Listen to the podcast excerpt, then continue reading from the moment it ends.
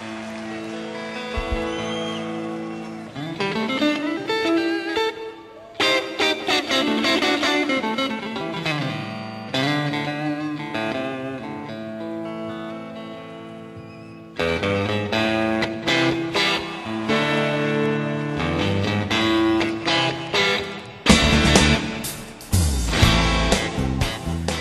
Saludos amigos, os habla Ramiro Espiño en nombre de todo el equipo. Comenzamos una nueva edición de La Trastienda en Pontevedra Viva Radio desde nuestros estudios en la calle Michelena de Pontevedra. Hace tiempo que tenía ganas de hacer este programa, de invitar a una mujer cuya discreción hace que su trabajo pase casi desapercibido, al menos para muchas personas que no estén metidas en el deporte de cerca, cuando en realidad, y no lo digo por regalarle los oídos, sino porque se lo merece, es a mi juicio una de las mejores responsables de deportes que hay y ha habido mucho tiempo en Pontevedra. Anxo Ribeiro, Concelleira de Deportes do Concello de Pontevedra, benvida. Hola, moitísimas grazas. Non te me poñas colorada, eh? Bueno, a verdade é que sí, que son palabras a verdade moi que non sei hasta que punto, Sustas. non? Pois pues, se corresponden un pouco co... Dendo meu punto de vista xustas. Pois pues nada, moitas grazas, insisto. Bueno, en primeiro lugar, foi un fin de semana este que acabamos de deixar atrás complicado, con desperfectos nas instalacións, suspensións de partidos. Cal é o balance que deixou temporal no deporte Pontevedrés? Pois mm, temos que decir que non hubo primeiro eh, pois graves problemas que levaran pois eso, a ter que pensar que hubera seres humanos non que un pois dañados por los efectos do temporal, que eso para min é sempre será o prioritario, e logo as instalacións sufriron, sufriron porque moitas delas a, pois teñen os seus anos e son pequenos desperfectos, pero que, bueno, veñen a afondar un pouco na necesidade de, de afrontar eh, pois o arranxo de, de moitas delas, non? Eh, o temporal, a verdade que foi duro a nivel de eventos e isto provocou, bueno, pois a alarma, a alerta, eh, porque, claro, viñan especie, unha especie de torbellinos de, de aire que non sabías as consecuencias que podían ter, non? Pero, bueno, podemos decir que non afectou a, a, a ninguén, a ningún neno, ninguna nena que, que utiliza uh, as instalacións, hubo que suspender a tarde porque se veía e chegaban as alertas de... Um, bueno, de microtornados, sí, non que sábado, sí. entón, bueno, pois eu estou precisamente para salvagardar un pouquiño a, o que pudera acontecer con cos máis pequenos, pero bueno, pudo ao que foi pudo ter sido peor a nivel de mantemento das instalacións. Sí, porque algúns parece que se foi a pinza este fin de semana, non sei se algo tería que ver con que era o Madrid, que parece que neste, neste país eh, só existe si, si, si anda Madrid de por medio, se non, pois non. Eh, se olvidou en moitos casos a, a seguridade das persoas que debe de ser sempre o máis importante. Está claro e sobre todo cando afeta espacios que, bueno, nun Madrid Celta eh, se esperaba ter o supoño que balaídos eh, ao 100% non da súa mm. ocupación e desde logo non telo nas mellores condicións de seguridade, eu tamén pois recoñezo que que tomaría esa decisión porque Eh, unha cousa é agora pois esa polémica dos retrasos de por que se está en esas condicións, pero a cuestión é que hai que resolver no día e hai que tomar na decisión no día e sobre todo para salvaguardar eso, eh, un pouco um, o que lle poida pasar a, a, as miles de personas que ali están e sobre todo tendo en conta que a alerta continuaba activa, que non sabíamos se o domingo iba a parar o vento ou non. Eu estuve, por exemplo, aquí en Pontevedra en contacto con Meteo Galicia directamente hasta as 6 da tarde que hasta que garantizaron que a 6 da mañan pois posiblemente levantaran a alerta, pois tamén se estuvo pensando en se suspendían actividades ao aire libre ou non, non? Entón non é fácil, pero bueno, si sí é certo que os de Madrid parecen que, que teñen que ser o centro do universo e eu creo que todo ten arranxo, non? Pero as vidas das persoas normalmente pois non o ten, non? Porque ademais para aqueles que parece que descoñecen a normativa que hai e demais, non? Independentemente de que non se pode subir a arranxar eh, vímolo, inda que non ten nada que ver nada co deporte, non? Aquí na tarde do, do sábado, por exemplo, a Rúa Benito Corval tuvo que estar cortada porque voaron unhas uralitas de, mm. dun edificio e non se subiu a Esqueira ata o domingo, ata que as condicións melloraron e non había ese risco para, para as forzas ou os servicios que, que tiñan que intervir. Sí, ou son obreiros, quizáis o mellor unha categoría social que o mellor algúns en, pois non teñen en conta, non? É dicir, eh, é certo porque tamén na Rúa da Barca, tamén dun edificio, pois tamén e era imposible que subira ninguén, pois intentar. Estaban as forzas de seguridade, os bombeiros que o que facían era arrancar aquelas posibles que mm, para que non caeran sobre seres humanos, pero nin empresas nin poden poñerse a traballar en esas condicións, eu creo que é algo lóxico e normal. Porque ademais é que tampouco se lle pode pedir a un político, en este caso, bueno, pois pues Abel Caballero que estuvo na picota e demais, penso que actuou eh, como como tería que que que facer calquer político con sentido común, porque que houbera pasado se si hubiese permitido que se xogara o partido, sucede unha desgracia humana eh, e hmm. despois quen sería o responsable. Por moito que o organizador do partido sexa o Celta, a responsabilidade do Concello, en este caso, non como propietario da instalación. No, efectivamente, e sempre hai que estar... Mm, claro, a veces eh, sempre hai que calibrar hasta onde está o peligro, e, e tomar esa decisión e punto. Eu creo que unha vez tomada xa está, non? E non debería dar pé a, pois, a tanta a tanta historia polémica. e polémica como hubo con ese tema, verdade? Bueno, pois vamos a, ao noso, non? O de cerca. Tamén, o millor, eh, esta situación eh, de, de emerxencia evidentemente inevitable, imprevisible en todo caso, sí que pon de manifesto algunhas das necesidades que poden ter as nosas instalacións deportivas. Non?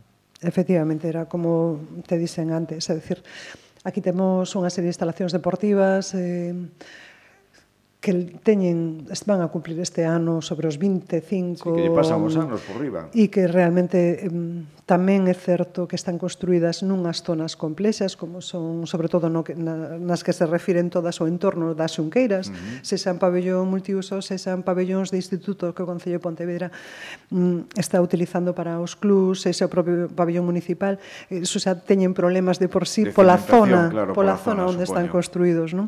e agora se empezan a ver eh, eh, se empezan a ver, no, xa se ven desde fai moito tempo que necesitan pois uns arranxos importantes, sobre todo tendo en conta que que hai moitos clubs que xa este ano pasado hubo que suspender competicións de liga por condensación nuns casos, por goteiras noutros, etc. Non? Entón hai que facer unha fonda de inversión nas instalacións que xa temos, uh -huh. eh, porque non se pode retrasar máis. Igual se retrasou demasiado tempo, pois afrontar certos problemas que tiñan estes edificios, e así o recoñezo, pero xa non se pode aguantar máis porque estamos falando de que se unha cidade ten o nivel deportivo que temos e o número de clubs que teñen e a categoría que teñen, pois teñen que estar acompañados cando mínimo cunhas instalacións eh, dignas, non?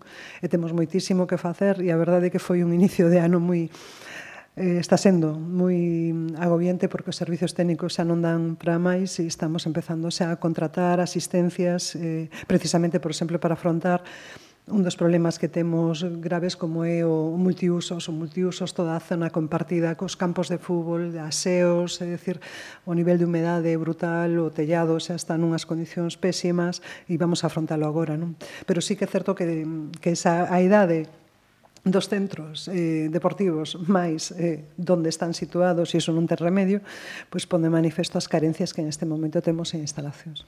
Home, unha cousa mellor vai pola outra, non? Evidentemente, esa zona é a máis factible polo, polo precio do, do, do chan, imagino, obviamente, porque hmm. facer eh, unha inversión noutro lugar coa superficie tremenda que se necesitaría para eso sería absolutamente inviable Está claro. Eh, o que pasa que nos agora, mm, así como inversión, temos que atender o que xa está, porque realmente está nunha zona mm, donde de concentración de actividade deportiva, está temos pasaron, eh, creo que poucas cidades teñen, sí, está sí, sí. a metros do centro da cidade. A metros do centro da cidade e toda a zona concentrada e os clubs eh, pois teñen maior e mellor mobilidade e por iso temos que afrontalo, non? Es, ao que temos, arranxalo, e logo o novo, pois a ver se si xa neste mes pode sair adiante polo menos un, o que é o anteproxecto do pabellón eh, municipal novo na zona da Parda, que, bueno,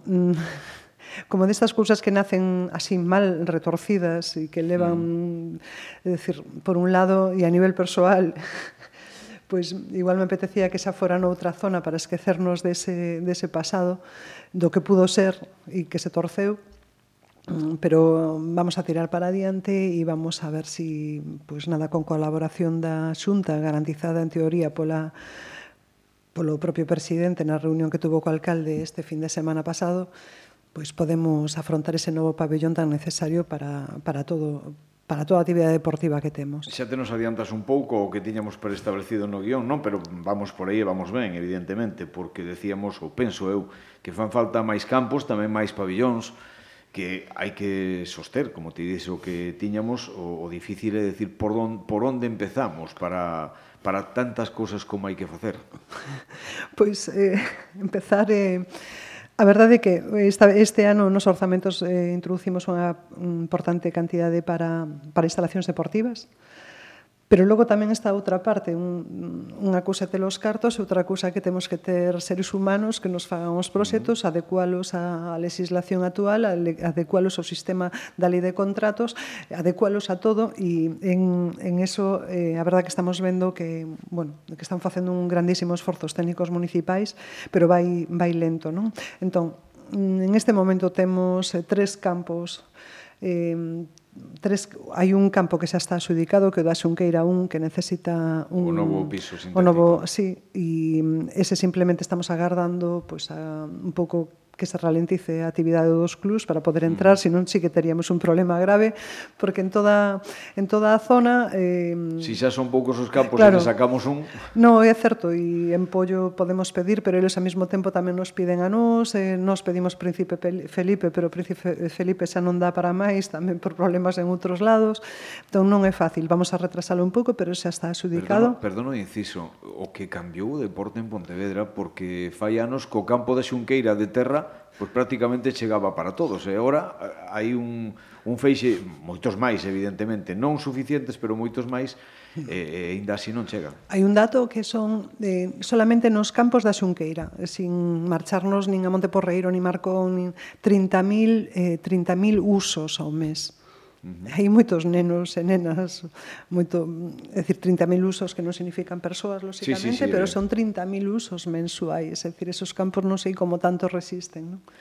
Pois como te decía, eh, temos este campo, van a sair xa, xa están en proceso de contratación Chando Monte de Cerponzóns e Santa María de, de Xeve, e xa estamos con asistencias técnicas de, para outros, e eu teño aínda pendente de facer pois un máis na Xunqueira estamos aí, pero non podo decir máis porque aínda nos queda esa labor de eh, colaboración, convenio con outras Conseguir administracións. Os, os terreos, o terreno está, pero bueno, hai que porque quizá fai falta eh, no rural. Que sería eh, no terreo de da, da comunidade de Montes. No, no, no, eh, no centro, na Xunqueira, no, donde están os outros, donde están os mm. centros de ensino, eu creo sí. que temos terreo aí para facer un novo Para... Sí, que hai un, un campo de terra Susto. intermedio. Entón, sí. facer e completaría. Porque se si ben é certo que que no rural eh, necesitamos eh, ter eh, ter estratégicamente situados varios eh, varios campos, non? Para tamén facilitar ese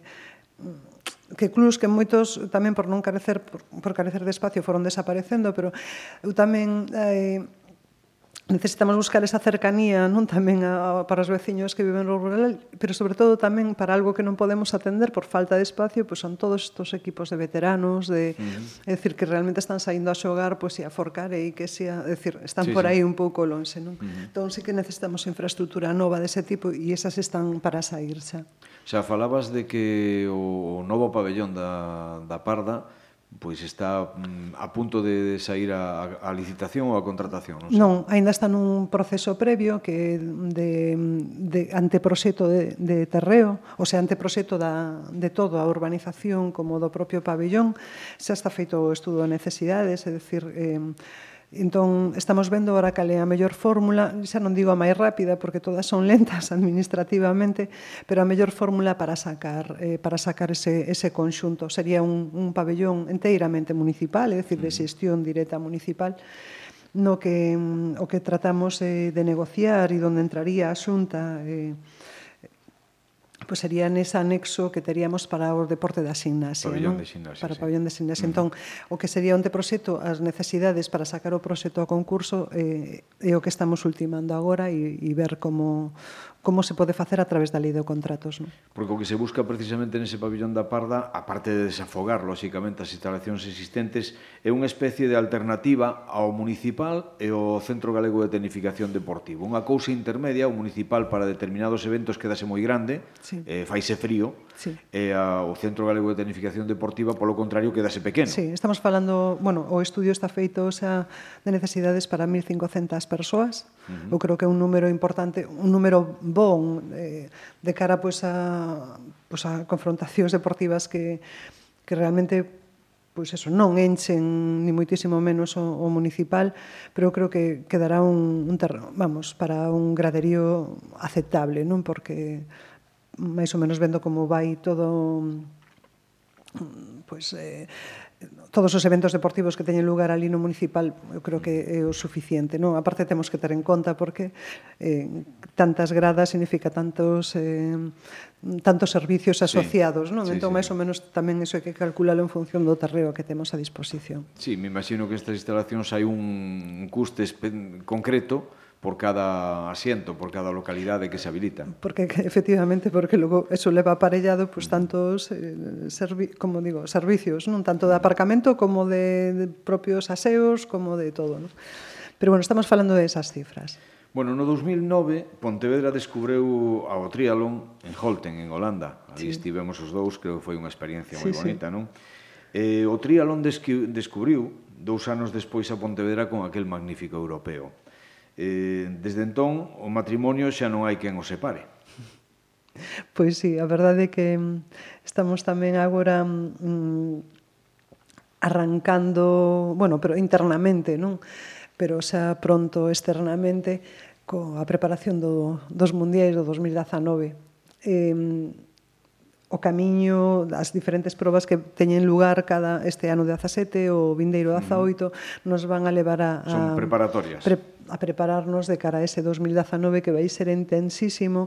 Eu creo que vai a ser mm, ese festival donde vamos a ter os mundiais Aquí eu creo que vai a ser eh, un revulsivo outra vez non? de cara a posicionamento de Pontevedra como unha cidade eh, de 80.000 habitantes simplemente que quen de organizar semejante odisea. Non?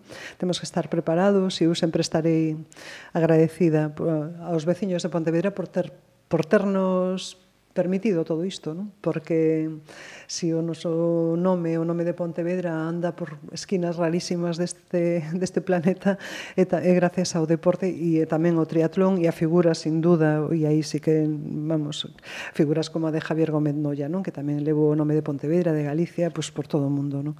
Entón, temos que prepararnos moi ben porque, ainda que só van a ser 10 días, pero van a ser de días intensísimos, donde vai a poñer a proba toda a nosa boa organización, o que sabemos facer e, e, e o que poidamos facer para que, superar todos os, os límites que nos temos posto. É que eu penso que o mundiño do triatlón eh, descubriu que nunha cidade de pouco máis de 80.000 habitantes que se lanzaran á rúa casi que 30.000 para ver unha proba deles, eso non pasaba ni no circuito mundial. Claro, e sobre todo tamén eh, tendo en conta eso que decías de o descoñecemento do propio deporte, non? De dese de deporte raro eh e que mm, que existía e que eu creo que aí se amosa moi ben. Eu sempre digo que Pontevedra e os cidadáns que, a, que habitamos temos unha característica de que cando nos algo, algo collemos con, con alegría e ilusión non hai que nos pare dentro da casa non?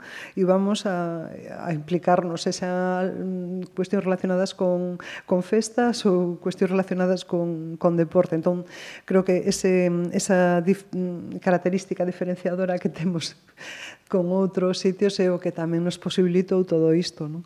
De esa que se involucren, que mm, ao mesmo tempo se enorgullezan, non? Pero que ademais de do trialón grandes eventos de moitos deportes, natación, piragüismo, loita, tenis de mesa, o último europeo de piragüismo foi unha pasada, sin ir máis lonxe, non? Teñen como escenario a nosa cidade e moitos máis miran a Pontevedra como posible sede. Eu, a mí me consta que o Concello chegan Antes había que otar a organización destos eventos e agora son peticións que vos chegan con bastante frecuencia. Cal é o motivo?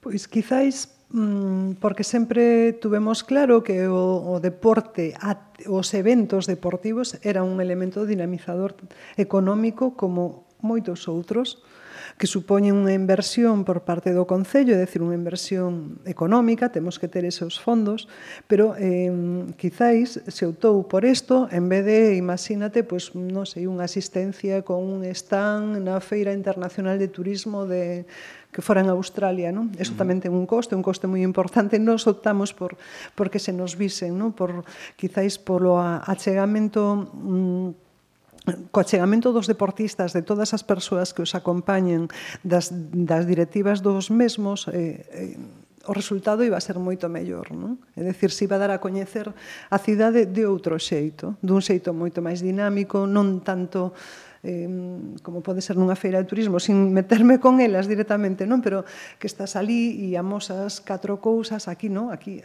traemos aquí os eventos e a repercusión que poida ter a través dos medios de comunicación eh, internacionais e demais, pois nos axudan, eu creo que nos axudan moito, non? un pouco, entón eso fai que mm, esa receptividade coa que nos afrontamos iso fai que moitas eh, moitas eh, federacións pois eh, chamen a, a porta do Concello para organizar cousas, sobre todo se si temos en conta que miramos no país, é dicir que evento internacional se celebrou nos últimos anos en Galicia como Galicia como foco, non? Uh -huh. É dicir, con co apoio de, da Xunta de Galicia gobernase con quen goberne, vamos, me refiro, sí, non quero meterme con nadie. Máximo pero é decir que evento internacional, pois un internacional de baloncesto, un internacional de piragüismo, non, é decir, por desgracia non, non, se, non se tira por ese mismo camiño, non? Entón, bueno, pois nos estamos tirando, entón supoño que será eso, esa facilidade. Tamén hai que decir que non, de vez en cando, pero eh, pero bueno, eu creo que pouco, pouco, sobre todo tendo en conta o alcalde que temos, que do que acabo de decir, non da importancia dos eventos como elementos dinamizadores económicos, pois pues, a, moitas cousas dice que sí. Bueno, e cales van a ser os próximos, entón? Pois estamos traballando, a verdade, que en, en, de cara ao 2018 temos eh, Bueno, xa temos eh, algún campeonato sobre pechado, vamos a ter, por suposto, eh, vamos a seguir na liña do triatlón a través de campeonatos de, de España, en Loita tamén, eh, en, estamos traballando en, en baloncesto, agora habrá pues, próximamente unha reunión tamén para ver se si damos pechado tamén algún campeonato de baloncesto na nosa cidade. Eh, balonmano, que tamén vai a ter a súa Fíxate, fortaleza. Perdona, fíxate o baloncesto, porque é un deporte que non termina de arraigar, sí, máis que eh, sí, sí, en eh, mulleres, non? Co Arsil, que sí. está facendo unha labor impresionante. Sin embargo, en homes non acaba de, de, de cuallar nunca. E, sin mm. embargo, este sábado pasado o partido do Peixe Galego que estive de, de convidado no, no Centro Galego de Tenificación Deportiva foi unha pasada. Sí, a verdade é que o que me gustou moito foi un detalle así de que, eh, o sea, tanto os xogadores do Peixe como dos, do, do equipo contrario, non? do País Vasco que viña, non me acordaba o nome, pois que estuveron ali vendo un anaco do partido das mozas, e incluso en algún momento se viñeron arriba nas últimas xogadas animando, decir, e velos despois estas propia, tamén velos ali no, no parque do, do CGTD, pois foi foi chulo. Pero sí que é certo que aquí non dá arrancado eh, e sí que hai unha base tremenda porque se si sumamos os, os eh, mozos sí e mozas sí. de, dos tres clubs que temos, do Arsil, do CAB e do estudiantes, son unha cantidad de nenos impresionantes os que hai practicando baloncesto cada día, Pero en cambio sí que falta que a nivel masculino, bueno, pues se dé un, pero bueno. Sí, que cando deixan de ser nenos e pasan a maiores que teñan onde xogar, sí, non? Sí, tamén é verdade que se si miramos para atrás, eh, miramos así os problemas que hubera, uh -huh. Mm, o sea, non tan recentemente, pero nos propios clubs que a veces leva que non non se dé arrancado con con un sistema, con un obxectivo, non? Entón, sí, estuvo aí o Celso Míguez, anteriormente claro, o Baniforce, que moitos xa nin se acordarán Eu non me acordaba. pero sí que se ve que cando hai problemas e demais, pois se rompe un pouco o que a racha a racha de calquer, pero de calquer modalidade deportiva, eh. Bueno, estábamos co, co dos eventos, aparte do, mm. do de baloncesto, hai un de balonmán tamén próximo. Si, sí, no 2018, é todo un reto, e a verdad que que mm, xa estamos deseando poñernos a, a traballar nel porque queremos que a verdad que salga salir Sam, tamén eu creo que a afición de balonmano de Pontevedra me merece tamén un evento internacional, non? É decir, como e bueno, e ter a oportunidade de ter aquí no o domingo Bárcenas, non? que ver aos grandes xogadores tamén nas canchas de, do pabellón municipal e demais, pois eu creo que tamén é pois, Pues, eh, son esos elementos motivadores que eu sempre falo con cos clubs que a veces por cuestións económicas Hai datas, perdona, para o para finales, Domingo Bárcenas. Para finais do ano do 18 uh -huh. da zoito. Sempre me son un pouco rara eu coa, coas datas, pero si, sí, a finales da 18 porque logo o Mundial Junior sería o 19, o que compartimos con Vigo e León. Entón, eh, está para pecharse aínda o que son as datas definitivas, pero estamos aí con, con elas para fines do 18, no entorno do Nadal do 18. E algunha outra cousa nova, algunha outra modalidade que se queira incorporar á, á xenda municipal? Bueno, estamos, eh, a verdade que hai, quizáis con pensando no 19, non? Porque no 19 non somente ese o mm. triatlón que xa é un, bueno, eh, un reto enormísimo, pero tamén temos o balón mano, tamén temos o europeo de loita, que aí sí que estamos eh, aínda pen, bueno, me refiro, eh, está pendente de que se conceda pola Federación Internacional de Loita, Mm, pero e ademais os campeonatos normais de mm. taekwondo, opens, eh, de sinasia, etc, etc. Entón, estamos en este momento mm, mm un pouco mm, parando para poder coller aire. Poder coller aire porque é moito o que hai que facer e como decía, medios persoais e técnicos non son moitos. Entón, temos que ter os pés no, no chan, ou quizáis son máis... Eso, reticente non a, a seguir mm, agora pois pensando en demasiados campeonatos cando que temos que este ano sobre todo centrarnos moito en arranxar internamente o servicio de deportes que necesita moito arranxo. Arranxo no sentido de no bo sentido, non? De impulso, podemos decir, mm. máis que de problemas porque non os hai. Axuste, digamos. Pero un axuste importante e é fundamental porque se si queremos avanzar e que esta cidade de aquí ao futuro, eh, non agora no presente, pois siga tendo esa fortaleza a nivel deportivo, necesitamos primeiro que a casa este, este arranxada. Porque volvendo ao triatlón, unha da, un dos retos que, que había pendentes era a posibilidade que se barallou en algún momento de acceder a unha prueba da, das World Series. Sí, e eso, eso está aí e mm, o que pasa que aí sí que é certo que son máis comedida eu tendo en conta eh, un pouco como mm, eh, que prefiro, prefiro pois eh, tanto este ano 17, sobre todo e sobre todo este ano 17, pois centrar os esforzos en na preparación do 19 e logo a partir de aí sí que eu creo que temos que voltar a voltar a pois a probas tanto europeas como a World Series, non? Eh, pero en serio pero um, sí que non, non abarallo eu de cara ao 2018, por exemplo, nin, sino simplemente eso, pensar xa no futuro máis alá do 19.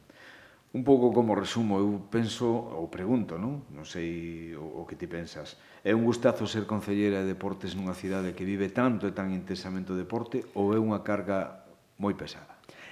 Eh, mira, eh, é un gusto ver como unha gran parte da poboación da nosa cidade eh, pois eh, ten actividade física en mente eu creo que eso é bo para a saúde da propia cidade, para a saúde global non? De, da propia cidade.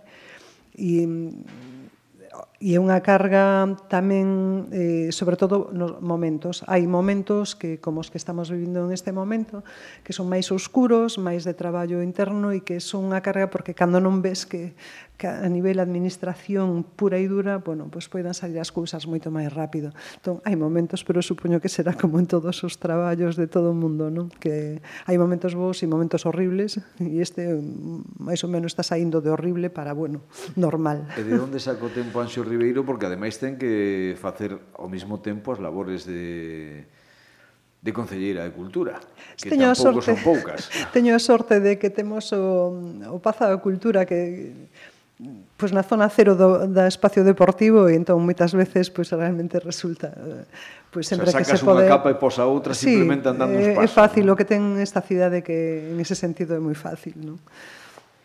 O IMD pasou a historia, con isto imos rematando xa. Como vai funcionar agora o organismo que rixa o Deporte Pontevedrés? Vai ser un servizo máis dentro do Concello, igual que o de Cultura, igual que o de Urbanismo, igual que o de calquer outro servizo municipal.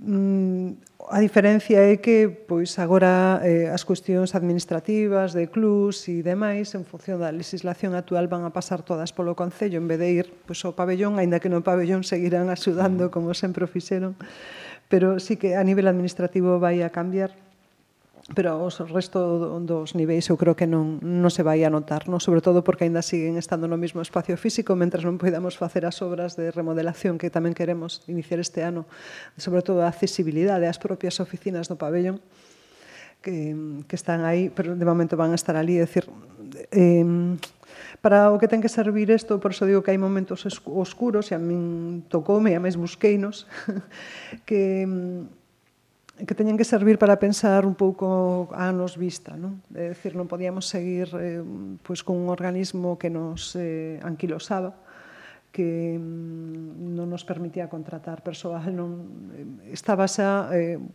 obedecía a outro momento legal e histórico, non? Entón, eu creo que pois, pasado este tempo, este ano, e, pois, eu creo que vai a servir para funcionar mellor. Non digo de xeito óptimo, porque eh, eso require pois, un traballo constante, eso se mirará dous, tres anos vista, pero eu creo que bueno, foi unha decisión que hubo que tomar e bueno, veremos, veremos. Ainda que non sexa o máis importante, evidentemente, eh, a imaxe nova que se sacou precisamente hai uns días eh, é francamente atractiva, penso buscamos o, o que é un pouco a cidade, aínda que nun día como hoxe tan oscuro e tal, pero un pouco que é o color, os colores, non? Si xuntamos eh, a diferentes clubs ahora na, aquí nesta rúa Michelena no que estamos o que vamos a mirar é color, color, viveza e demais, e un pouco que quere transmitir tamén iso, o color, a viveza que ten o, o deporte en Pontevedra.